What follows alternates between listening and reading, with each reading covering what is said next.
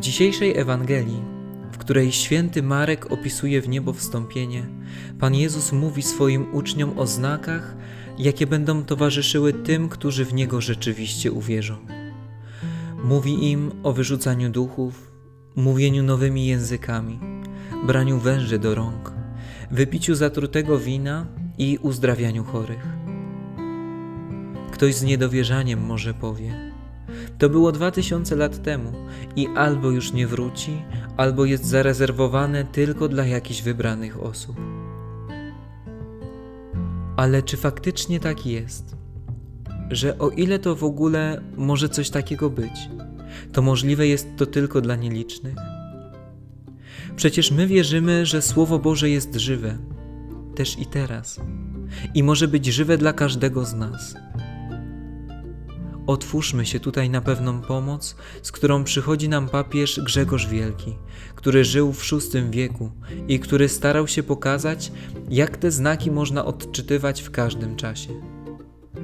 Porównuje on najpierw dobre, szlachetne i budujące słowa, dzielenie się swoim świadectwem wiary i działaniem Boga w naszym życiu do mówienia nowymi językami, w którym jest więcej dobra niż zła Następnie reagowanie cierpliwością i dobrocią na czyjąś złość porównuje do brania węży do rąk.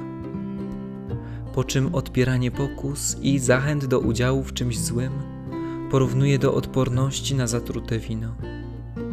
A podniesienie kogoś na duchu i pomoc w czynieniu dobra, nawet jak nam jest w danym momencie trudno, papież porównuje do uzdrawiania przez to innych przez włożenie na nich rąk naszego dobra. Papież idzie nawet krok dalej, mówiąc, że te dary, o których on mówi, są większe, bo uzdrawiają innych na duszy, a nie tylko na ciele. Zwróćmy uwagę jeszcze na dwa szczegóły. Pierwszy to taki, że wszystkie dzisiejsze czytania i psalm zachęcają, żeby w Bożym szczęściu i Ewangelii miały udział wszystkie narody a więc także i my dzisiaj. Drugi szczegół to obietnica, którą Pan Jezus zostawił uczniom podczas w niebo wstąpienia, a o której napisał święty Mateusz, że On, Pan Jezus, będzie z nami przez wszystkie dni, aż do skończenia świata, a przez to wszystkie te cuda ostatecznie czynił będzie Bóg. Zatem daj się przekonać Panu Jezusowi i uwierz, że także i Twoje dobro może być źródłem zmiany w kimś obok Ciebie, a Twoje dobre słowo może komuś pomóc.